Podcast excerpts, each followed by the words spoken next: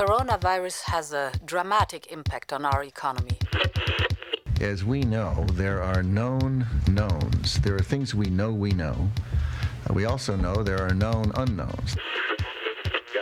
Build back better, bla bla bla. Green economy, bla bla bla. In diesem Sinne kann ich sagen, ja, äh, wir sollten alle Feministen sein.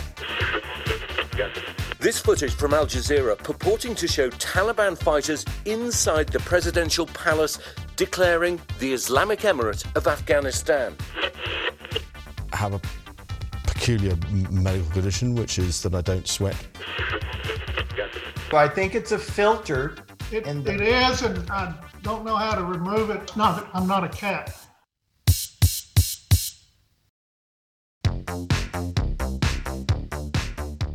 Þú ert að hlusta á heimskviður Í heimskviðum er fjallað um það sem gerist ekki á Íslandi. Ég heiti Birta Bjöstóttir. og ég heiti Guðmundur Björn Þorbjörnsson.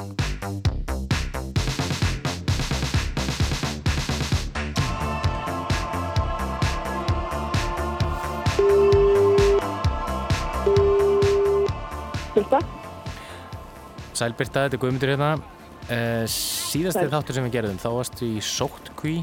Þú hljóma nú ekki eins og sért í sóttkví núna. Nei, ég er blessunlega ekki lengur svo kví og er komin til Danmörkur. Þeir eru ekki alþjóðlega þáttur og reynir svona að fylgjast með hvað er að gerast við þeirra heiminn. Jú, hvað er að gerast í Danmarku? Uh, ég vildi ekki sagt að það var eitthvað ógulega mikið. Ég er með rigningunni í Kaupanöfn. Uh, það er alltaf áhugavert að fylgjast með hérna því nú hefur mann ekki ferðast mjög mikið síðan að koronaviran bast á. Þetta er fyrst að ferða mitt í tvö ár. Uh, ég horfði á frettirna hjá TV2 hvern þetta er í fyrrakvöld og það hefðu, ef það hefði ekki verið á dönsku, hefði alveg getað verið frettir tíminni á Íslandi. Fyrsta frett var um fjölda koronavirusmitta og nýja afbreyð. Önnur frett var um álag á heilbyrðistatsfólk og hjúkunarfólk sem er búið að standa vaktuna í tvö ár og þriða frettin var svo um veðrið. Já, það kom að smá vetrakvellir hérna fyrir vikunni og mikið, eða svona smá snjór, ekki kannski mikið okkar mæli hvaða. Þetta var verið skemmtilegt í því var sagt, fólki sem var tekið viðtal við var sagt, fólki sem var veðurteft í IKEA. Það voru á þriða til starfsmanna og nokkru viðskiptavinni sem fyrst að verja nóttinni í IKEA-vestum hérna í Danmarku. Það var viðtal við einn mann sem var að vakna snöða morguns eftir að hafa varið nóttinni í einu af einu af síningarúmunum. Einmitt, það er mikið lagt á Dani, en við ætlum ekki að fjalla um Danmarku í þættinum í dag. Nei, við ætlum að til Sómali og til Afganistan. Og þú ætlar að fara með okkur til Sómali, eða ekki? Jú, í síðar hluta þáttarins ætla ég að fjalla um fyrirhugaðar fórsetakostningar þar í landi. Það er ekki mikil líðræðis hefði í Sómalíu og við ætlum að fjalla um þetta land ég og Helen Maria Ólafsdóttir sem býr og starfar í Mogadishu fyrir saminuðu þjóðarnar. Einmitt, og svo ætlar Jóhannes Ólafsson með okkur til Afganistan. Já, Jóhannes Ólafsson ætlar að fjalla um í prisli sínum um fristar egnir afgana í, erlendum ríkjum, meðal hans í bandaríkjunum. Það er, eh, já, ansi flókið að nálgast þessa peninga þar sem að já, talibanar gera tilkall til þeirra. Það ríkir jú viðskiptabann milli bandaríkjana og talibana sem eru jú flokkuð sem hriðverkarsamtök og allar afganskar ríkisegnir erlendis eru kyrsettar. Til þess að opna þessa sjóði þurfa bandarækjumenn að viðkenna talibana sem réttmæta ríkistjórn Afganistan og því fylgja allskins pólitíski hnútar. Jóhannes Ólafsson tekur nú við. –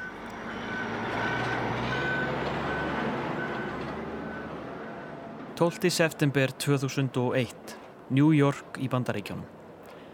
Rikið er varðla farið að setjast daginn eftir mannskeiðustur hriðverka árás sem framinn hefur verið. Nari 3000 manns letu lífið þegar flugræningar tóku stjórnina í fjórum flugvilum sem notaðar voru til að ráðast á saklusa borgara. Líf ættingja og vina fórnalambana gjör breyttist einnig þennan örlagaríka dag sem rennur fáum úr minni, síst af öllu bandarísku þjóðinni.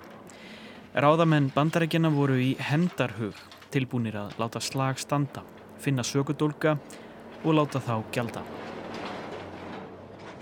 Make no mistake, the United States will hunt down and punish those responsible Hér er George Bush fyrir um bandarækjaforsetti að segja einmitt það að þeir ábyrgu verði eldir uppi og þeim refsað. Afar umdeildar ákvarðanir voru teknar í kjölfar 11. september sem þarf ekki að rekja hér. Framundan var stríð í Afganistan og síðar Írak.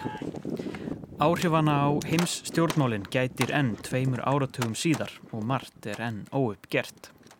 Stórar spurningar lágu í loftinu við rjúkandi rústir tvíburaturnana. Verður heimurinn samur eftir svona hrylling? Hver ber ábyrð og býður fólk þess bætur? Er yfir höfuð hægt að krefjast bóta og raunhæft? Hópur ættingja þeirra sem fórust í hriðjverkunum 11. september fóru fljótlega að huga því að krefjast einhvers konar skadabóta. Nokkur slík mál voru útkljáð til að mynda greiti Sáti Arabíja skadabætur eftir mikinn þrýsting bandarískra stjórnvalda. En það eru enn ógreittar kröfur. Um 150 ættingjar höfðuðu skadabótamál meðal annars gegn Osama bin Laden, öðrum liðsmönnum Al-Qaida, Talibunum og fleirum. Tíu árum síðar, árið 2011, dæmdu bandarískir domstólar í New York fjölskyldunum í hag og kröfðust fjárhæðar sem í dag er andvirði um 7 miljardar bandaríkidólara. Sá dómur var raunar aðeins tákgræð því ógjörningur var að innheimta þessa upphæð, óljóst hver ætti í raun að borga brúsan. En talibanar sem áttu að greiða þar stóran hluta höfðu verið hraktir frá völdum. Í nýlæri grein bandaríska dagbladsins New York Times er fjallað um að nú hafi ríkið verið dustað af þessum átökum um ógreita miljarda í kyrsettum afgönskum sjóðum. Málið horfir nefnilega öðruvísi við eftir að talibanar tóku völdin í Afganistan. Afganska ríkið á mikla fjármunni á ofnberum bankareikningi í New York sem fráfarandi ríkistjórn notaði til að sapna meðal annars þeim peningum sem ríki heims lögðu fram til aðstóðar og upphæðin á þessum tiltekna reikningi nemur 7 miljardum dollara. Leðtógar talibanastjórnarinnar telja sig eiga þessa peninga. Þetta er sjóður sem tilheri jú afgunskum yfirvöldum. En ef talibanar eiga peningana, eiga þeir þá ekki einfallega að renna beint til þessara fjölskyldna sem höfðuðu skadabótamál fyrir 20 árum. Það voru talibanar sem dæmdir voru ábyrgir fyrir að borga og upphæðin stemmir. En hér flækjast málinn auðvitað. Það ríkir viðskiptabann millir bandaríkjana og talibana sem eru flokkuð sem hriðverkasamtök og þessi reikningur hefur verið kyrsettur eins og flestar aðrar afganskari eignir erlendis. Til þess að bandaríkin geti opnað þennan peningasjóð og gengið frá skadabótakröfunni þyrti Biden stjórnin að viðurkenna Talibana sem réttmæta ríkistjórn Afganistans og því fylgja allskynns pólitískir hnútar. Þetta er aðeins einn ángi af klúðursleiri sögu bandaríkjana í Afganistan og lengsta stríði sem landið hefur háð.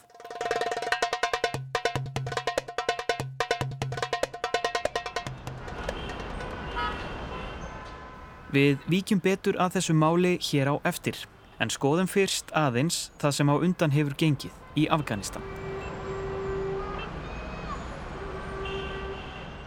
Rétt liðlega hundrað dagar eru frá því að talibanar tóku öll völd í Afganistan.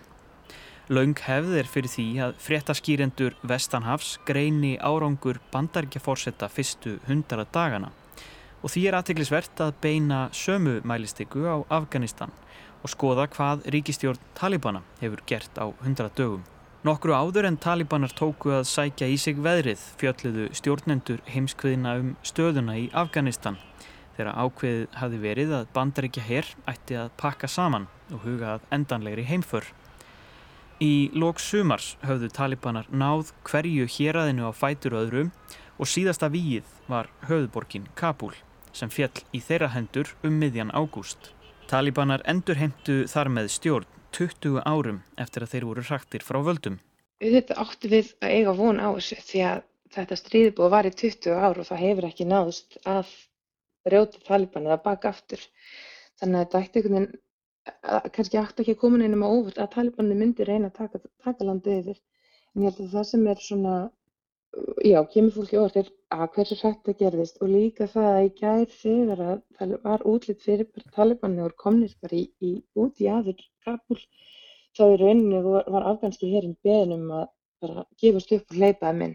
Gani, Gani fórseti og varafórseti hans flýja land, land og talibanni ganga bara inn í borginna og nokkru klukkutíma setna voru komnir inn í fórstöðelina.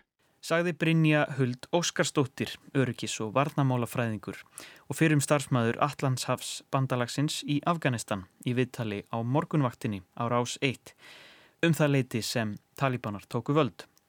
Af ótta við harðstjórn talibana, líkt og á árum áður, reyndu margir afganar að flýja land.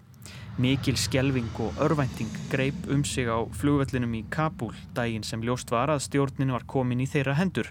Fólk gerði allt til þess að koma sér í burtu og nú hafa þúsundir afgana lagt á flóta. Eins og fyrr segir er staða þeirra sem eftir urðu í Afganistan orðin mjög þröng, svo vægt sé til orðatekið. Efnahagur landsins er að hruni komin eftir valdatökuna og tekjur ríkisins orðnar að nær engu. Stór hluti tekna afganska ríkisins fyrir valdatöku talibana var fjárhagsaðstóð erlendra ríkja. Sömu ríki og nú beita viðskiptaþvingunum á talibana sem hriðverkasamtök og hafa skrúað fyrir peningaflæðið. Afganskar egnir víða um heim hafa verið kyrsettar og talibanar eru út í kuldanum.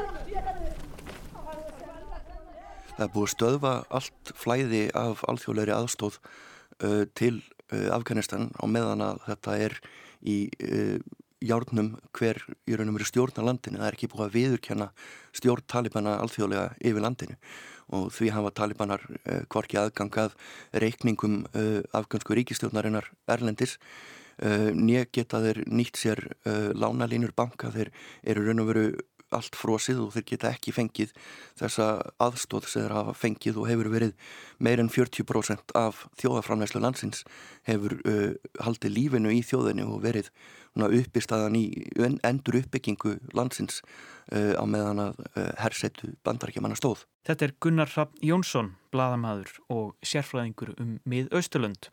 Fyrir hagkerfi sem rekið var að miklu leiti á styrkjum er þetta reyðarslag og ástandið var nógu slæmt fyrir. Eignir afganska ríkisins e, eru kyrsettar en það er líka spurning hversu mikið er eftir af þeim eignum, hversu mikið er búið að stinga undan og koma fyrir í svisnaskum böngum af þeirri gjörspiltu ríkistjórn sem var við völd áður en að talibanar komu. Það er, voru fregnir af því að, að gull og, og dollarar hefði verið tæmtir úr hyslum uh, ríkistjórnarinnar og það var jáfnvel uh, talað um það að vittnum þeir hefðu séð fráfarandi ráþæra úr ríkistjórninni á flugvöldunum í Kabul að rógast með ferðartöskur og eina af þeim hafi hrunnið út úr hérna, vagninum sem hann var að rúla og opnast og bara út öllu dollarar og gull og bara í raun og veru það sem hann gætt pakkað nógu hratt til að koma og taka með sér. Þannig að þeir í raun og veru ræningar sem voru við völd áður það er ekkit vitað hvað er mikið eftir hvað þeir skildu mikið eftir og hvað þeir tóku mikið fyrir sig. Eins og Gunnar Rapp bendir á fór fyrverandi ríkistjórn ekki endilega vel með fjöð sem rataði til Afganistans. En talibanar hafa lofað öllu fóru um uppbyggingu landsins og öryggi og velmegun landsmanna Þrátt fyrir það lifir stór hluti þjóðarinnar við mikinn skort, óöryggi og neyð. Miljónir afgana búa við hungursneið og lífsbaráttan er hörð. Strax í ágúst varaði matvælastofnun saminuði þjóðana við hungursneið og nú, hundrað dögum síðar, telur hún að um helmingur afgana þjáist af hungri. Um 19 miljónir af þeim tæplega 40 miljónum sem búa í landinu lifa við hungur og áætlaði er að þeim fjölgi í 23 miljónir í lok árs. Í ofanalag nálgast veturinn óðum og stopnuninn spáir því að um áramót verði alltaf 97% landsmanna undir fátaktarmörkum. Matvælastofnuninn hefur kallað eftir neyðarastóð frá þjóðum heims. Sankant frétt AP hefur landbúnaðarfarmleysla í Afganistan dreigist verulega saman vegna óvinnjum mikill að þurka. Þá hefur verið reynd að mæta þörfum afganskra bænda með matar útlutunum þar sem þurkarnir eru mestir. Unnið er að því að útvöga fræ, áburð og peningastyrki til þess einfallega að halda matvælaræktun gangandi. Talið er að þurkatíðin standi í nokkra mánuði til viðbótar. Það sem veriðist þó þrýfast einna best er ópíumrækt og nú flæðir heroin frá Afganistan. Markir bændur hafa grepið til ópíumræktunar í vonum að bæta hagsinn En talibanar segjast allavega vilja útrýma þessari ópjum rækt eins og þeir gerðu á árum áður. miklir þurkar hafa verið viðvarandi og eru framöndan en þá verið þurkar líklega. Það eru uppskeru brestur í landinu, það er ekki til einu svona útsæði til að rækta kartublur, það er ekki til fræ, það er ekki að rækta kveiti, um, það er engin innviði raun og veru sem að geta séð bændum fyrir því sem þið þurfa til að rækta nema ópjum, það er raun og veru eini kosturinn sem þeir hafa í stöðinni sem að menn eru núna að rækta í gríð og erg. Þrátt fyrir lofvort talibana um að stöðva það þá er það raun og veru eina líflínan sem afganska þjóðinni hefur á meðan að það er ekki hægt að nálgast ellendfjö og það sem enn verra er að uh, þeir litlu peningar sem að fólk var að fá frá ættingum erlendis, það er mikið af afgunum sem býr erlendis meðal annars á Íslandi og sendir peninga mánadalega heim til að halda sínu fólki lifandi. Og núna er búið að stöðva greiðslukerfi afganskara banka. Þeir hafa ekki aðgang að alþjóðlegu greiðslukerfi þannig að ef þú vilt leggja inn pening á fjölskylduna þína í Afganistin í dag þá er það bara ekki hægt, það stoppar bara í kerfinu sem að uh, þýðir að það eru raun og veru ennþá meiri uh, örvænting sem að grýpur um sig meðan þjóðarinnar. Breska ríkisútarpið hefur eftir Suhail Sahin, talsmanni Talibana, að orsök allra þessara hörmunga megi rekja til alþjóðasamfélagsins og að þjáningar Afgana nú séu Vesturlöndum að kenna. Það sé þeirra að axla ábyrð viljið þau koma í veg fyrir hungur og kreppu. Þau verða bregðast við þar sem þau hafa snúið baki við þjóðinni og valdið ástandinu sem þau svo gaggrina. Hvað svo sem segja má um þessa greiningu er óvíst að málinn verði leist nema með því að grýpa inni. Í það minsta ef koma á í veg fyrir aðra vafasama starfsemi til að fjármagna ríkið, til að mynda heroinræktun. En á þessum nótum skulum við snúa aftur að skadabótamálinu í New York. Ellen Sarazzini og Fiona Havlis mistu báðar eiginmenn sína í árásonum 11. september 2001 og eru meðal þeirra sem höfðuðu skadabótamál. Í frétt New York Times segja þær að Biden, Fawcetti og stjórn hans þurfi loksins að mæta kröfum þessa fólks og, tilvittnun hefst, tryggja að peningarnir sem mertir eru okkur rati til okkar en ekki hriðverkamannana sem áttu þátt í að binda enda á líf okkar nánustu, tilvitnum líkur. Vegna viðskiptaþvingana er ólöglegt að hreyfa við sjóðum afganska ríkisins í New York og örugt að yrði það gert myndi það reyta talibana til reyði. Það væri því ekki til þess fallið að læja öldurnar í samskiptum talibana og bandaríkjana. Því er óljóst hvaða möguleikar eru í stöðunni. En telja má nær útilokað að bandaríka stjórn viðurkenni stjórn Talibana en það hefði það ófyrir séðar afleðingar. Maður hefði haldið að domstól sérstaklega í New York væri sjálfkrafa mjög uh, opinn fyrir sjónamöðum fornalampana uh, 11. september og uh, það ætti að liggja beint við að ef að talibanar eiga peninga einn og reikningum þar að þá fengi fjölsky, fengju fjölskyldunar aðganga því í krafti þessa dóms. Hins vegar það skapar náttúrulega frekar kaltænislega flækju að þessi peningar til er ekki talipunum nema þessu viðurkendir sem leðtógar landsins af því að uh, þetta tilherir að nafninu til afgönsku þjóðinni, ríkisjóði Afganistan. Þannig að með því að taka þessa peninga og gera það upptæka þá ertu að setja sama sem merki á milli talibana og afgönsku ríkistundarinnar mm. og það er í raun og veru óbein viðurkenning þannig að það er daldi flókið og menn eru þá svolítið milli steins og sleggju hvort að þeir uh, eru tilbúinir að taka það skref með öllu sem að það innifellur. Þetta er sem sagt ekki auðsótt fjö og hvort einhverjar leiðir eru færar til að losa það með löglegum hætti er ennþá óvist. Einhverjar hugmyndir eru þó á lofti um að koma peningunum til ættingja fórnalampa hriðverkana 11. september og beina hluta þeirra í hjálpastarf til þeirra fjölmörgu afgana sem lifa við skort og vósbúð. Sumir hafa bent á að fjeð í þessum sjóðum sé ekki bandaríkjana að taka en tilheyri heldur ekki talibönum.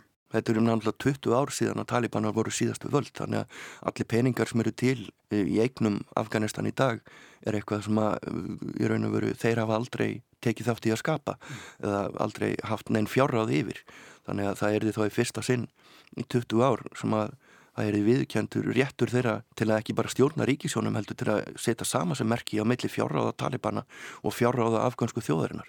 Við nú búin að ekki bara segja séu réttmættir stjórnheldur heldur eigendur ríkisjóðs, þeir séu eigendur þjóðarinnar í raun og veru.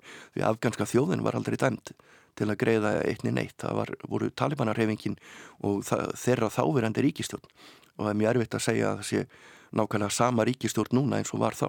Afganska þjóðin ætti þannig ekki að gjalda fyrir og lenda millir steins og sleggju í einhverju heimsvalda tabli. Sjóðurinn umrætti í New York geymir peninga aðstóð sem alla tíð hefur átt að renna til afgönsku þjóðarinnar og þótt það sé ekki víst að talibanar vergi fjennu þannig er það ekki bandaríkjana að ákveða. Talibanar eru eftir vil ekki réttmættir handhafar ríkisvaldsins í augum bandaríkjamanna en er það nógu góð ástæða til þess að hrifsa af þeim peninga sem veitt var til þess að styrkja landið. Undanfarið hafa talibanar sjálfur verið að sækjast eftir því að opna þennan sama sjóð í New York og reyndar aðra sjóði víðar, svo sem í Evrópu. Ómögulegt er að segja til um hvert þessir peningar renna á endanum en ef framfer sem horfir er ólíklegt að almenningur í Afganistan fái að njóta þeirra.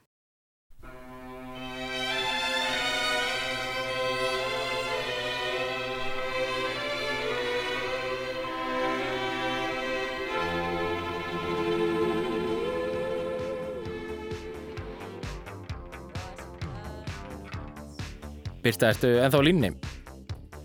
Já, já, ég er ennþá hér. Tíma saman til Danmark er bara ágætt, takk. Einmitt, hefur ekki haldið áfram meðan þátt? Jú, og þú ætlar að segja núna hvað við ætlum að fjalla um í sómalíu-penginu. Jú, eins og ég sagði yngangi þáttarins það er ekki mikil líðræðis hefði í sómalíu, það eru geisað borgarastyrjöld í, já, næri 30 ár. Ég rætti við Helen Marju Ólofsdóttur um fyrirhugaðar fórsetakostningar þar í landi og ítök Al-Shabaab í Sómalíu. Dalkaygow dushaadu waa barwaaqe dalkaygow dalkaygow dabayshaad way udgoonte dalxiiskaaga maani maanin Landið mitt.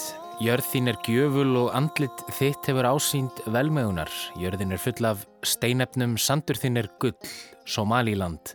Þú ert gjöfult syngur sómalska söngkonan Sara Halgan um fósturjörð sína Sómalíu. Ég ætti kannski að segja Sómalíland sem er fornt heiti yfir stóran hluta þess landsvæði sem í daglegu tali er nefnt Hortn Afríku, skæi Östur Afríku sem tegist út í Arabíuhaf og myndar Suðurströnd Atenflóa. Saga þessa svæðis nær langt aftur í aldir en heimildir eru um búsetu fólks í Sómalílandi fyrir 10.000 árum. Hluti þessa svæðis er í dag Sómalía, gríðarstórt land með landamæri að Kenju í suðvestri, Eþjópíu í vestri og Djibouti í norðvestri. Það telur tæplega 640.000 ferkilometra og tegir sig frá Adenflóa í norðri niður til Indlandshafs í östri. Í þessu gríðastóra landi búa þó ekki nema rétt rúmlega 15 miljónir, aðeins færri enn í Hollandi. Svipaður íbúafjöldi er þó líklega það eina sem Holland og Sómalía eiga sameinlegt. Síðustu ár hafa málefni Sómalíu helst borða góma í vestrænum fjölmjölum í tengslum við sjóreiningja. En sómalskir sjóreiningjar hafa frá aldamótum tekið erlend skip og sjómenn í gíslingu og atanflóa og krafist lausnargjalds af þeim. Þessi sjóreininga starfsemi er aðeins ein byrtingamind hins gamla orðatiltækis neyðin kennir naktri konu að spinna. Borgarastyrjöld hefur geysað í landinu meira og minna í þrjá áratví sem hefur gert það verkum að hreyðiverkahópar hafa hreyðirað um sig í landinu fátæktir mikil og fólki bjargir bannaðar. Þetta er land sem við farið náttúrulega gegnum alveg hrikalegt stríð og, og margt sem að hefur gengið á síðastleina ár eh, og kannski þekkja flestir bara sómalíu af bíómynd Black Hawk Down Þetta er Helen Maria Ólafsdóttir. Hún fór fyrst til Sómalíu 2013 þegar pólitísk skrifstofa stofnuð þar hjá Saminuðu þjóðunum. Hún vinnur fyrir þróunarstofnun Saminuðu þjóðana í Mogadishu, höfuborg landsins og hefur verið þar síðan í júli 2020. Hennar starf fælst aðalega í því að aðstóða stjórnvöldi Sómalíu við að byggja upp her og lauruglu. Hún nefnir hér kvikmynd Ridley Scott frá árinu 2001, Black Hawk Down, sem greinir frá missetnaðri hernaðargerð bandarækja hers í Sómalíu árið 1993. þegar herþyrla rapar yfir miðri Mogadishu og herrmenn verða innleiksa í borginni.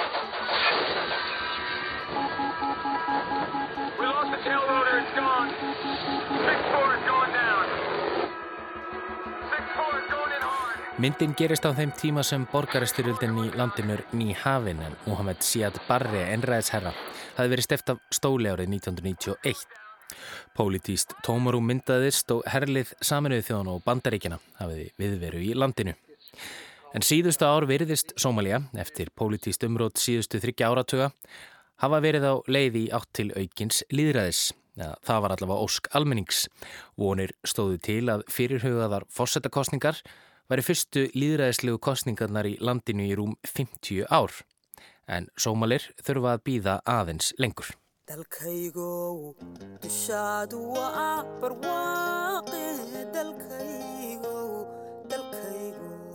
Til að skilja pólitíska landslæði í Sómalíu betur þurfum að fara rúmlega 60 ár aftur í tíman.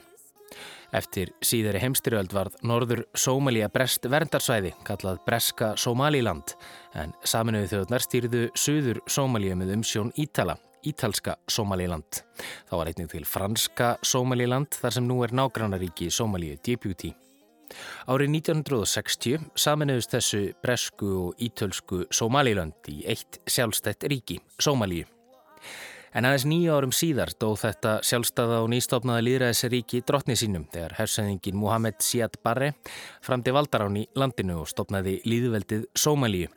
Líðveldi Sómalíu átt eftir að standa næstu tvo áratví en það átti hins vegar fátt skilt við líðveldi og líðræði. Síðan bara stjórnaði með harðri hendi þetta var allraðisríki sem stundaði þjóðarmorða á eigin fólki meðal annars í SAG ættbálkinu eða klaninu eins og ættbálkar Sómalíu er yfirleitt kallaðir en talið er að stjórnvöld hafi myrt yfir 20.000 meðlemi þess á árunum 1987 til 1988. Sómalíu byggist upp af ættbálkum eða klönum. Við erum ekki að tala beinleins um að þetta séu ættbálkar eða þjóðverðni sem eru ólík. E, Sómalar eru bara þokkulega einsleið þjóð þanniglegað. En það sem gerist er náttúrulega í svona, þetta er mjög víða algengt í Afriku, ertu með sérstaklega bara í afleiðing af e, því að þú ert ekki með miðstýrt stjórnmald eins og við erum búin að vera með kannski Európu í einhverja fleiri aldir að þá er ættbólkasamfélagi verið svo stert vegna þess að það eru þína bjargir. Þú átt allt undir þínum ættbólki. Það eru stórir ættbólkar í Sómalíu, það er talað um jafnvel þeir séu svona kannski á bílinu 6-10 sem er einhver svona major, þú veist, stórir ættbólkar en þú getur farið svo langt niður í ættbólkasamfélaginu og ég ég hef ekki sjálf tölun á því hvað þetta eru margir síðan þeir kalla þetta subklans. Við erum mjög fáir útlendingarnir sem skiljum þú veist, hérna, dýnamíkina í kringum þetta því maður þarf alltaf einhvern veginn að spyrja að býtu í hvað, hérna, í hvað ættbálk er hann já, og er það, já, og svo kemur í ljósa svo er einhver söp ættbálkur og það skiptir meira máli heldur en þannig að þetta er, þetta maður getur týnt sér í þessu og þetta er alveg skjálfilega flókin uppsetning Og þessum klunum fylgja ákveðin vandamál og þau tengjast oftar en ekki, segir Helen Maria, jarðnæði og aðgengi að auðlindum. Leðtógar sinna klana sjáum sitt fólk. Þegar þurkar geisa og uppskeru brestur verður fara klönin gerðan að bítast um landsvæði og svo eru undirklön þessara klana. Og þar geta verið alls konar erjur. Þær geta verið ekki bara um land, heldur geta þær snúist um hérna, eitthvað sem hefur farið úrskeiðis, varðandi einhver giftingamál og það, það flækist málið, dýnamíkinn fyrir að flækjast. Og það geta orðið alls konar lokal erjur sem eiga sér stað. En ég held að Sómalja, þetta er bara búið að vera gegnumgangandi og, og þessar ættbolkar erjur og maður bara mjög sveipað þegar maður kemur til Sútan eða Suðu Sútan, það er þetta bara mjög sveipað og, og þessar deilur um land og í sambandi við þurrk og annað er óskaplega eðlilegt. Við vikjum betur að því hvernig þessi klanskipting í Sómalíu stendur nú í vegi fyrir líðræðislegum umbótum á eftir. En aftur að pólitísku umróti. Einræðisæranum Siad Barre var komið frá völdum árið 1991 af stjórnaranstæðingum sem tilherðu, jú, þú giskaði rétt, öðru klani en hann. Þessir uppreisnar menn nutu stuðnings eþjupísku herfóringastjórnarinnar Derg og Líbíu stjórnar Muammar Gaddafis. Þegar barri er steift af stóli, láta klönin í sér heyra og vilja ná völdum. Síðan eru þetta þessar mörgufylkingar sem er að bítast hreinlega um bara landið í fjölda, fjölda ára. Og það kemst í raunverulega, það er síðan Al-Shabaab sem eru hriðverkasamtök núna. En þetta var einn af þessum hópum sem kemst til valda, þetta þeir sagt voru íslamistar, þeir taka undir sig Mogadishu á ákveðin tímbúndi og ég held að þetta sé í kringum í byrjun 2004 hérna þessu tímbilega sem að Al-Shabaab vex hérna fiskunum hrygg og þeir í rauninni e, eru með hérna ógnarstjórn, e, ná ekki alveg undir sig öllu en, en, en sagt, þeir síðan kenna sig við Al-Qaida og eru síðan settir bara hennilega á hriðurkarlistan hjá bandaríkjónum fyrst. Og svo taka við ótrúleir atbyrðir. Eþjópía ræðst inn í landið með stuðningi Afrikubandalagsins og bandaríkjana og bráðabyrðastjórnir komið á. Al-Shabaab er skoblað út úr Mogadishu. Og allt í hennu er hérna orðið smá svona e, stemming fyrir því alþjóðlega sé líka að þarna sé reynd að koma á einhverjum stjórnvöldum. Við förum hér rætt yfir söguna því eitt og annað hefur gengið á í Sómalíu frá árunni 2004. Ítöku Al-Shabaab í landinu er enn mikil og borgarastrið hefur geisað þar allan þennan tíma. Þrátt fyrir það kom alþjóðarsamfélagið að mótun nýra stjórnvalda, Þings sem árið 2012 kaus Hassan Sheikh Mohammed fósetta sem sata á fósettastóli til ásens 2017.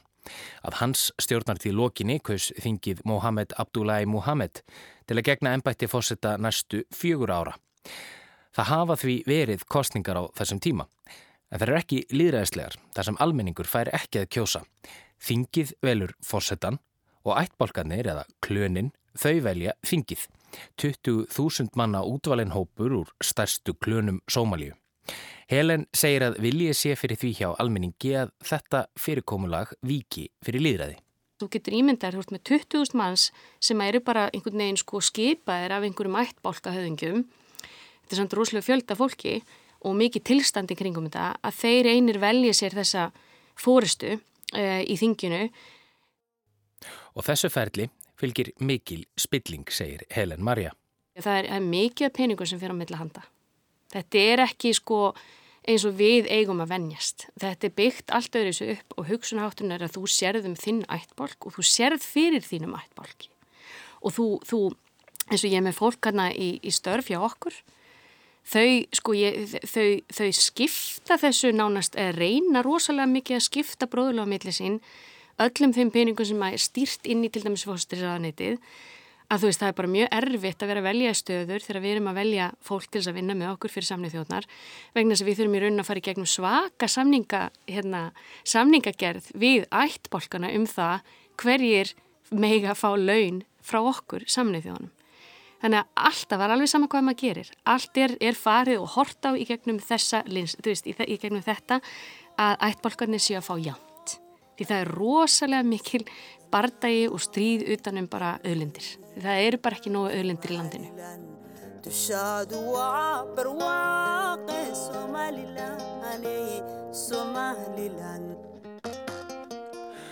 Þann 13. november síðastliðin laug þingkostningum í Sómalíu en enná eftir að kjósa í svo kallað þjóðarráð. Fossetakostningar áttu svo að fara fram í kjölfarið en á þeim hefur orðið töf. Ekki hefur nátt samkómalag millir núverandi fósetta og sex sambandsríkja í Sómali um hvernig kostningarnar eigað fara fram og fósettin, hann situr enn. Hann fær síðan þingið uh, með ótrúlum hætti til þess að samþykja bara tveggja ára framlengjöku á hans fósetta tíð sem er náttúrulega ekki, sem er algjörlega í, í trási við þó þá stjórnarskrá sem er við líði núna og það er í raunverulega alþjóðarsamfélagi sem stýgur inn í og setur þarna pressu á fórsetan að hérna, endur skoða þessa ákvörðun og af stað fer heil mikið samningsferðli nýr eh, fórstinsráðara er svarin hérna inn, hann þykir mikil sáttasemjari, vann meðal hann að sjá samnið þjónum áður og þeir ná hérna í, í vor ákvörðu samkvöndlagi að setjast að prósess um að koma þessum kostningum að stað og hann er að semja þessi fórstisræður á milli fórsetans og hann er að fórseta í þessu sambandsríki Sómalíu. En þá gerist það að fórsetisræðurann nýji og fórsetin lenda bá kant og allt fyrir uppnám á nýjanleik við litla hrifningu þegar alþjóðasamtaka stopnana og erlendra ríkja sem hafa lagt mikla fjármunni að byggja upp Sómalíu og stjórnvöld þar í landi á undanförnum árum.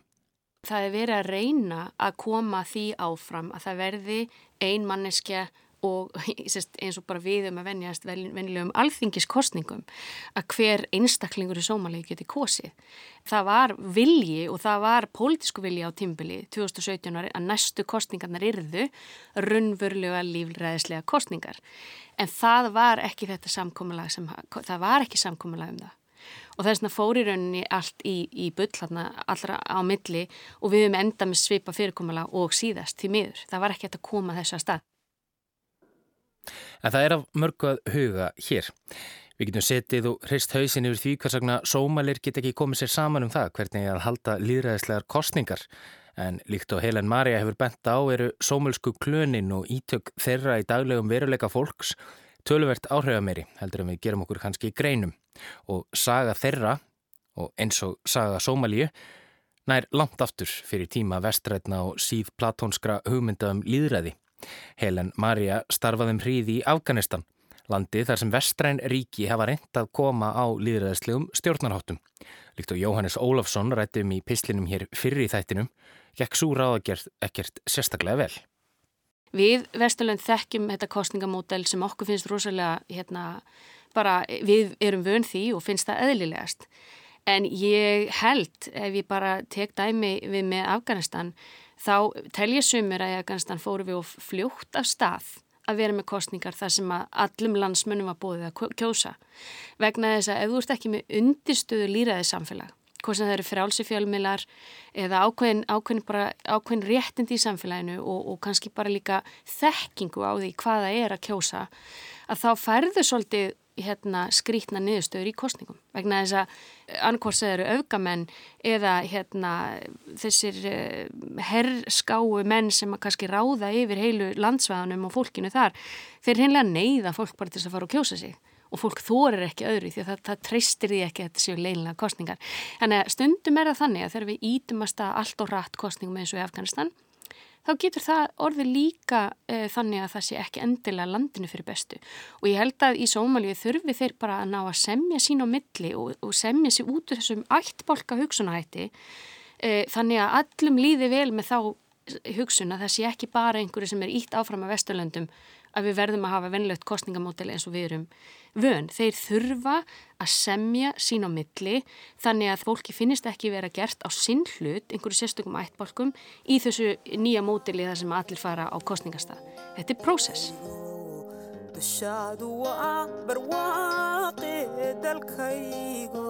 Somaliland daba ishadu way udkoon Sómalir veriðast því ekki enn tilbúinir í líðræðslegar kostningar og tímin einn verður að leiða í ljós hvenar þær muni eiga sér stað, hvenar almenningur getur kosið til þings og kosið sér fórseta en ekki sér útvaldir meðlimir ákveðina ættbolka eða klana. En jafnvel þótt líðræðislegar kostningar muni eiga sér stað í Sómali á næstu árum, eins og vonir standa tilum, stendur Sómali að frammi fyrir starra vandamáli sem verður ekki upprætt í bráð. Vandamáli sem er rót gróið í sómölsku samfélagi, hriðverkasamtökin Al-Shabaab, sem er að mörguleiti ólík öðrum íslömskum hriðverkasamtökum. Þau eru integrerið inn í samfélagið. Þau eru ekki bara einhver staðar í einhverjum hérna, skotgröfum og þetta sé bara algjörlega hérna, stiði sundur og þetta sé bara eitthvað stríð á meðli þeirra og hinna. Heldur er Al-Shabaab á daginn í samfélaginu og svo kannski eru þeir á kvöldin að, að hérna, ráðast á herin. Þau eru í samfélaginu, segir Helen Maria og á þá við að þau stjórnasamkvæmt sínum eigin reglum og ítök þeirra eru mikil bæði út á landsbyðinni og í Mogadishu. Þau starfa ekki álíkt gamle góðu mafíunni. Þú borgar fyrir vernd og ef þú borgar ekki, já, þá ertu bara drefin. Það er líka þannig að e, dómsmálakerfið í Sómalíu er náttúrulega mjög brotið og þó að það hefur verið einhver, á, einhver, einhver áherslu á að byggja það upp að þá er það bara þannig að fólk treystir frekar e, rétti eða þess að dómskerfi Al-Shabaab heldur en formlega dómskerfisins. Þannig að þeir njóta í rauninni stuðnings almennings í landinu líka? Að ákvönnu marki. Uh, það er, en það er ekki endilega vegna þess að fólk vilja eitthvað vera undir stjórn Al-Shabaab, það bara veit það ef þú fer með eh, hérna, ef þú fer með mál, eins og til dæmis það er verið að bítast um eitthvað hús í Mogadishu eða landsvæði, að þá er miklu líklar að þú fáir niðurstöð í það ef þú fer til Al-Shabaab og látir þá bara greina úr því, þeir, þeir sem sett bara ákveða hvernig þetta lendir. Og því er síðan framfyllt, vegna þess að það þorir enginn að, að fara gegn domnum sem Al-Shabaab er búin að gefa upp. Þannig að allir vita að það ertu bara með öryggi því og það er bara búið að, og þeir eru yfirleitt taldir vera nokkuð góður í því að réttlætið sjáðu til. Þannig að, en ef þú fer með þetta í formlega dómskerfi þá gerist það að, að það þarf að kosta peninga að fara með það þongað og svo er alltaf grunnur um það að það er verið að borga dómurunum og þegar að búið að, að hérna, koma með dómsniðskurð, dómsúskurð segi, að þá hérna gerist það að því er kannski bara ekkit framfyllt. Því það er engin raunverulega til að framfylgja því. Lögreglan og útfæslan á því að fara að réttlata einhverjum dómum, hún er bara, þessi geta er ekki hinnlega til staðar. Sómalia er yðurlega neðst á lista Transparency International, alþjóðleira samtaka gegn spillingu. En Helen setur ákveðin fyrirvara við það. Sko, jú, þetta er náttúrulega gjörspilt, en það sem við teljum vera gjörspilt er stundum komið og nákvæmlega sama í Suðusútan eða Afganistan, öðru löndum, það sem gerist er það þegar algjörlega allt stjórnkerfi hrínur þá verða, verður fólk að koma sér upp öðrum leiðum til þess að bara reynlega að fungara. Þannig að eins og í Afganistan var kallað baksís, er bara, það er bara borgað til að fá okkurna þjónustu og þetta er rosalega erfitt þegar þú kemur síðan með vestræn stjórnvöld eða vestrænar aðstóð sem að krefst þess síðan að fólki vinni eftir einhverjum vestrænum mótelum í sínu stjórnkerfi að þá er allt, allar svona borganir eða svona það sem er verið aðeins að smyrja fyrir sem er náttúrulega hefbundin líka oft í kringum hefbundna mafíustar sem er að þá hérna, eða greiða fyrir segi að þá lítum við á það sem spillingu. En þetta er kannski bara einhverju struktúra sem þeir eru búin að koma sér upp og það er svolítið erfitt að síðan að aðlæðast þessu nýju stjórnkerfum en sín ekki ítök Al-Shabaab að Sómalia á enn mjög langt í land. Helen segir að draga verði lærdom af því sem gerðist í Afganistan. Nú er mikill vilji frá alþjóðarsamfélaginu að draga um 20.000 manna herlið Afrikusambandsins út úr Mogadishu og það er kæft að því að byggja nú upp herin í landinu. Þetta bara snýst ekki um það. Það er allir, þeir sem að, ég minna, það er allir samanlega það að þú nærð ekki undir því Sómalíu með herrvaldi. Þannig að núna eru farnar að heyra strattir alveg eins og í Afganistan ég, og ég ætla ekki að vera að draga ómikið á milli en ég held að sé samt holdt að hugsa það samt þannig. E, nú er farið að tala um það í auknum mæli að það verði að koma Al-Shabaab inn í hið pólitiska ferli. Að það þurfa eiga sér stað þarna einhver samningsadriði við Al-Shabaab e, þar sem þeir eru með sín landsvæði undir sig þau eru reyndar út um allt og er í litlum vössum þannig að þetta er svolítið erfitt að, að díla við það sko. En það gerir sér allir grein fyrir því að þú nærði ekki að vinna þetta með hér, hér og sérstaklega ekki hér sem er undirmannaður, er ekki professional, sem er búið að henda saman á einhverju nokkrum árum. Ég heldur verðum bara að vera raunsæ.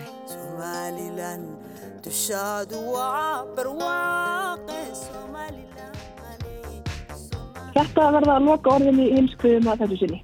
Við verum aftur á sama stað að viku liðinni. Verið sæl og takk fyrir að hlusta.